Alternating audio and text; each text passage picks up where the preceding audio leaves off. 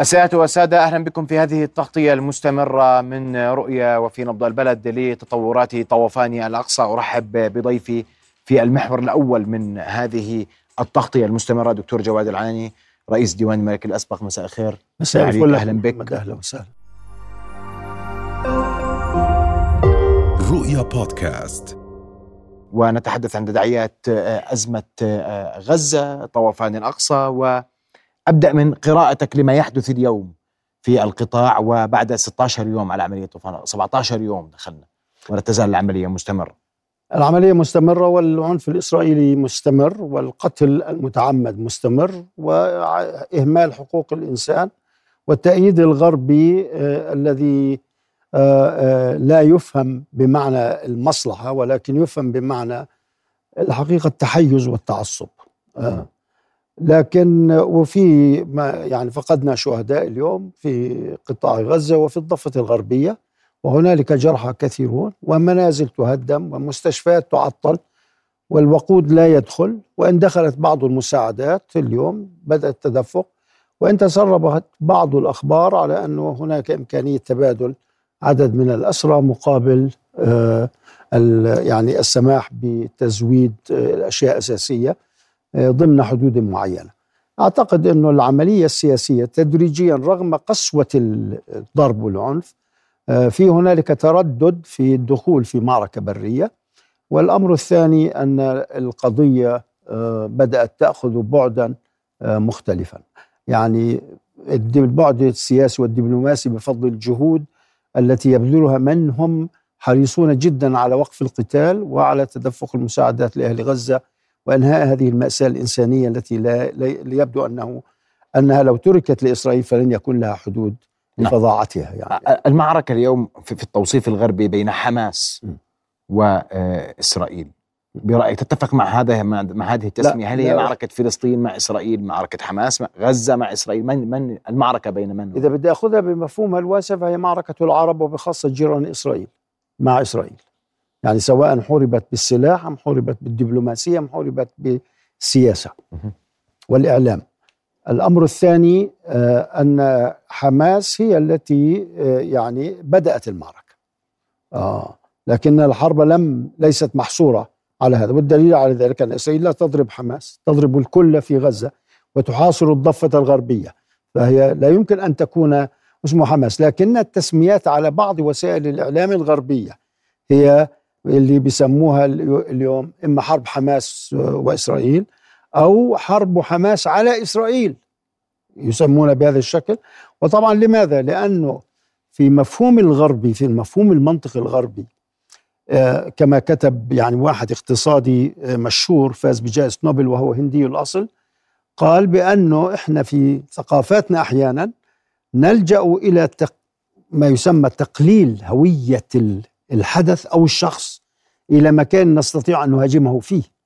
فلذلك هم ما بدهم يسموهم مسلمين ما بدهم يسموهم عرب ما بدهم يسموهم فلسطينيين فلسطينيين ولا بدهم يسموهم غزيين.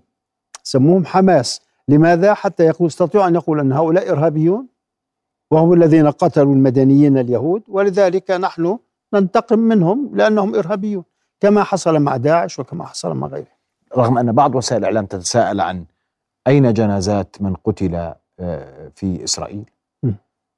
لماذا كل هذا التهويل الإعلامي والكذب الإعلامي اللي كان صار ظاهر للجميع حتى في روايه بعض الشهود هناك يعني ضحك وتلعثم وأحاديث غير منطقية وهذا كله يحدث اليوم في الاعلام الغربي ولا محرك لساكن. على فكرة كل الإعلام الغربي الحقيقة يعني متعصب بشكل لم أشهد له مثيلا في حياتي في حياتي على الإطلاق. أنا شخصيا بحكي لك ولا حتى في حروب سابقة مع إسرائيل. السبب أنا أعتقد بأنه كانت الضربة موجعة جدا وأن كل ما بنوه واستثمروه في إسرائيل سواء بالتكنولوجيا وغيره الحقيقة تبين أنه هش يعني يستطيع يمكن اختراقه ويمكن كسره. هذا أخافهم كثيرا وأخاف وخلاهم يعيدوا الحسابات. فلذلك ردة فعلهم شرسة جدا.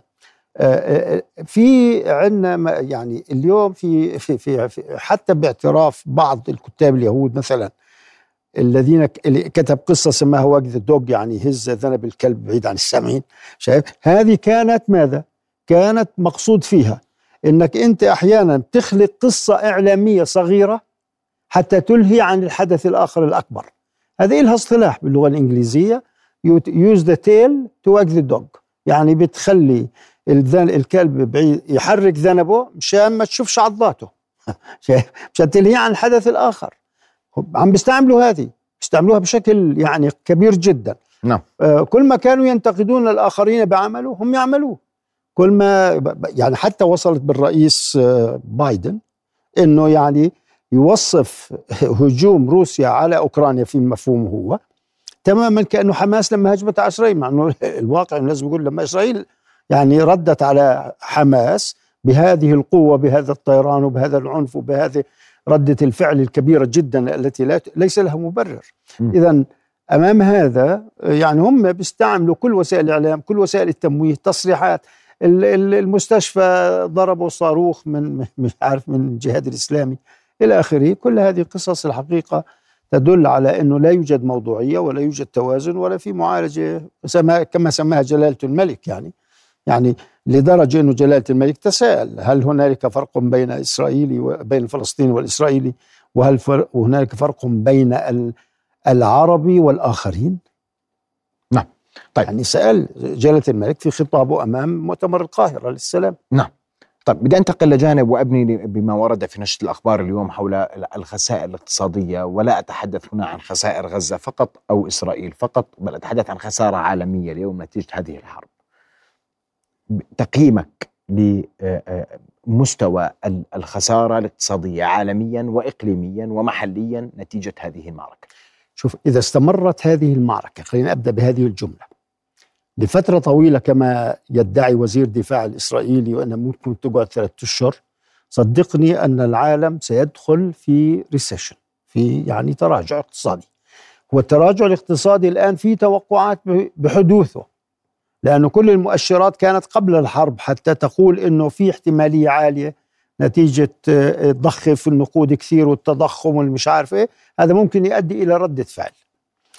الآن هذه ستسرع ذلك. الأمر الثاني أنها ستشعل حربا اقتصادية بين روسيا والصين من ناحية والغرب الأوروبي من ناحية وأوروبا والولايات المتحدة من ناحية أخرى.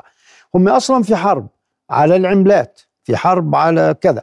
كانوا مطلعين للشرق الأوسط على أنه واحدة. لو صار في العالم تراجع اقتصادي ريسيشن يعني بسموه.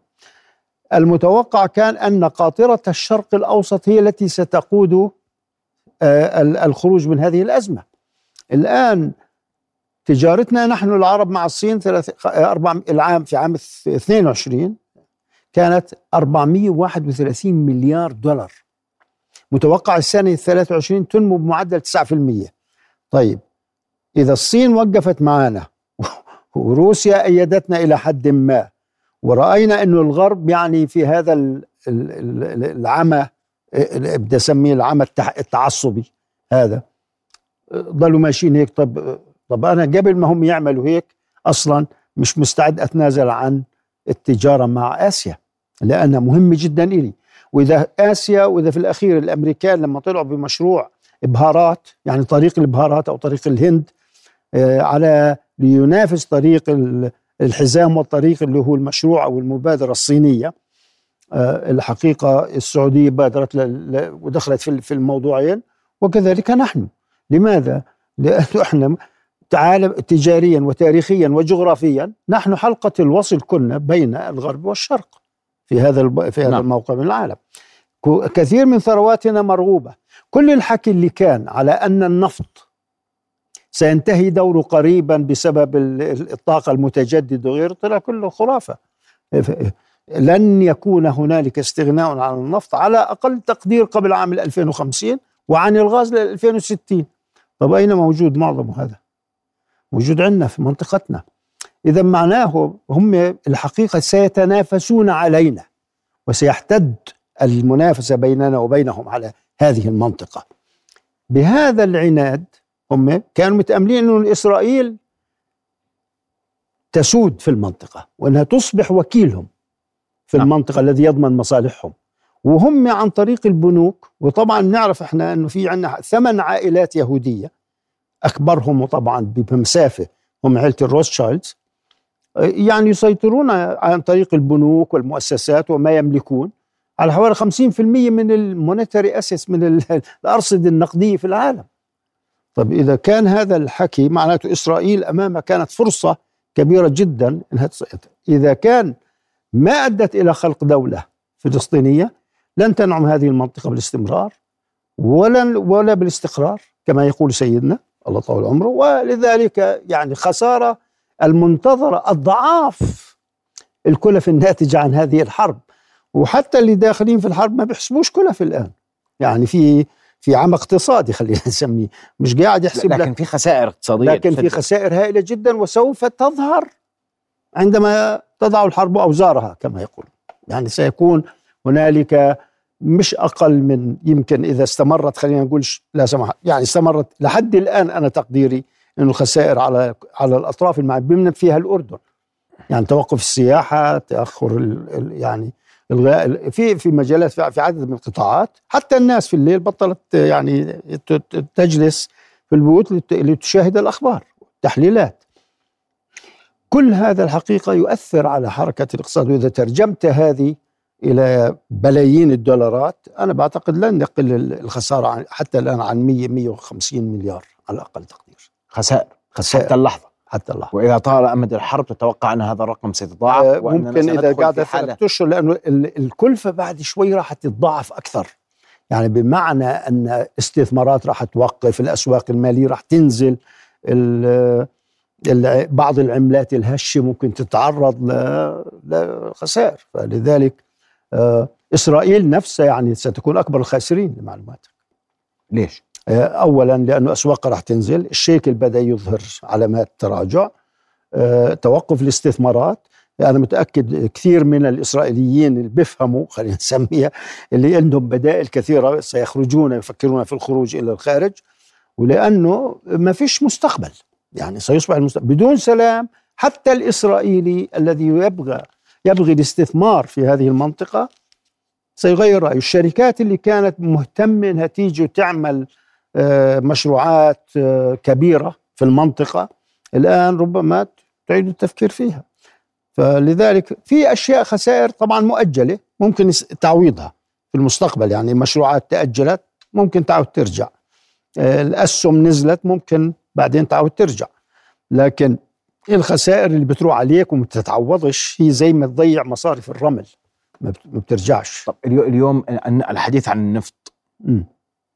وارتفاع أسعار النفط وهل ترجح ان ان تستمر؟ طبعا سيرتفع لأنه اذا ليه؟ لأنه استمرار الحرب سيعني أخي محمد أن آه، استمرار الحرب سيعني أنها ستتوسع افقيا وستتوسع كمان آه، بين دول أكثر ولربما تؤدي إلى تحشيد قوات كثيرة في الممرات المائية نعم فإذا حصل هذا فتصبح كلفة أولا كلفة نقل النفط وكلفة التأمين عليه أعلى بكثير مما هي الآن.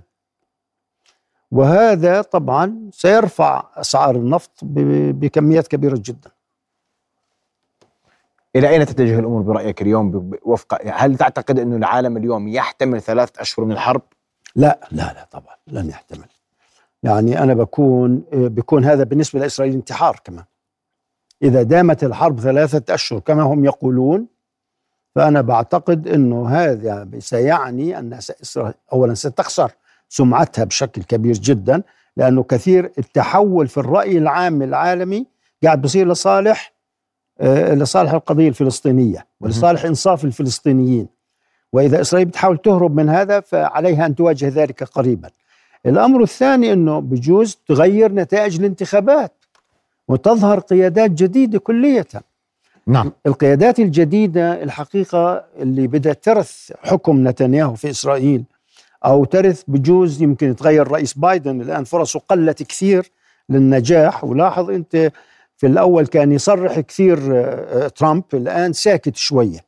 السبب لأنه أعتقد أنه قاعد بلملم صفوف الجمهوريين أنه أمامنا فرصة الآن.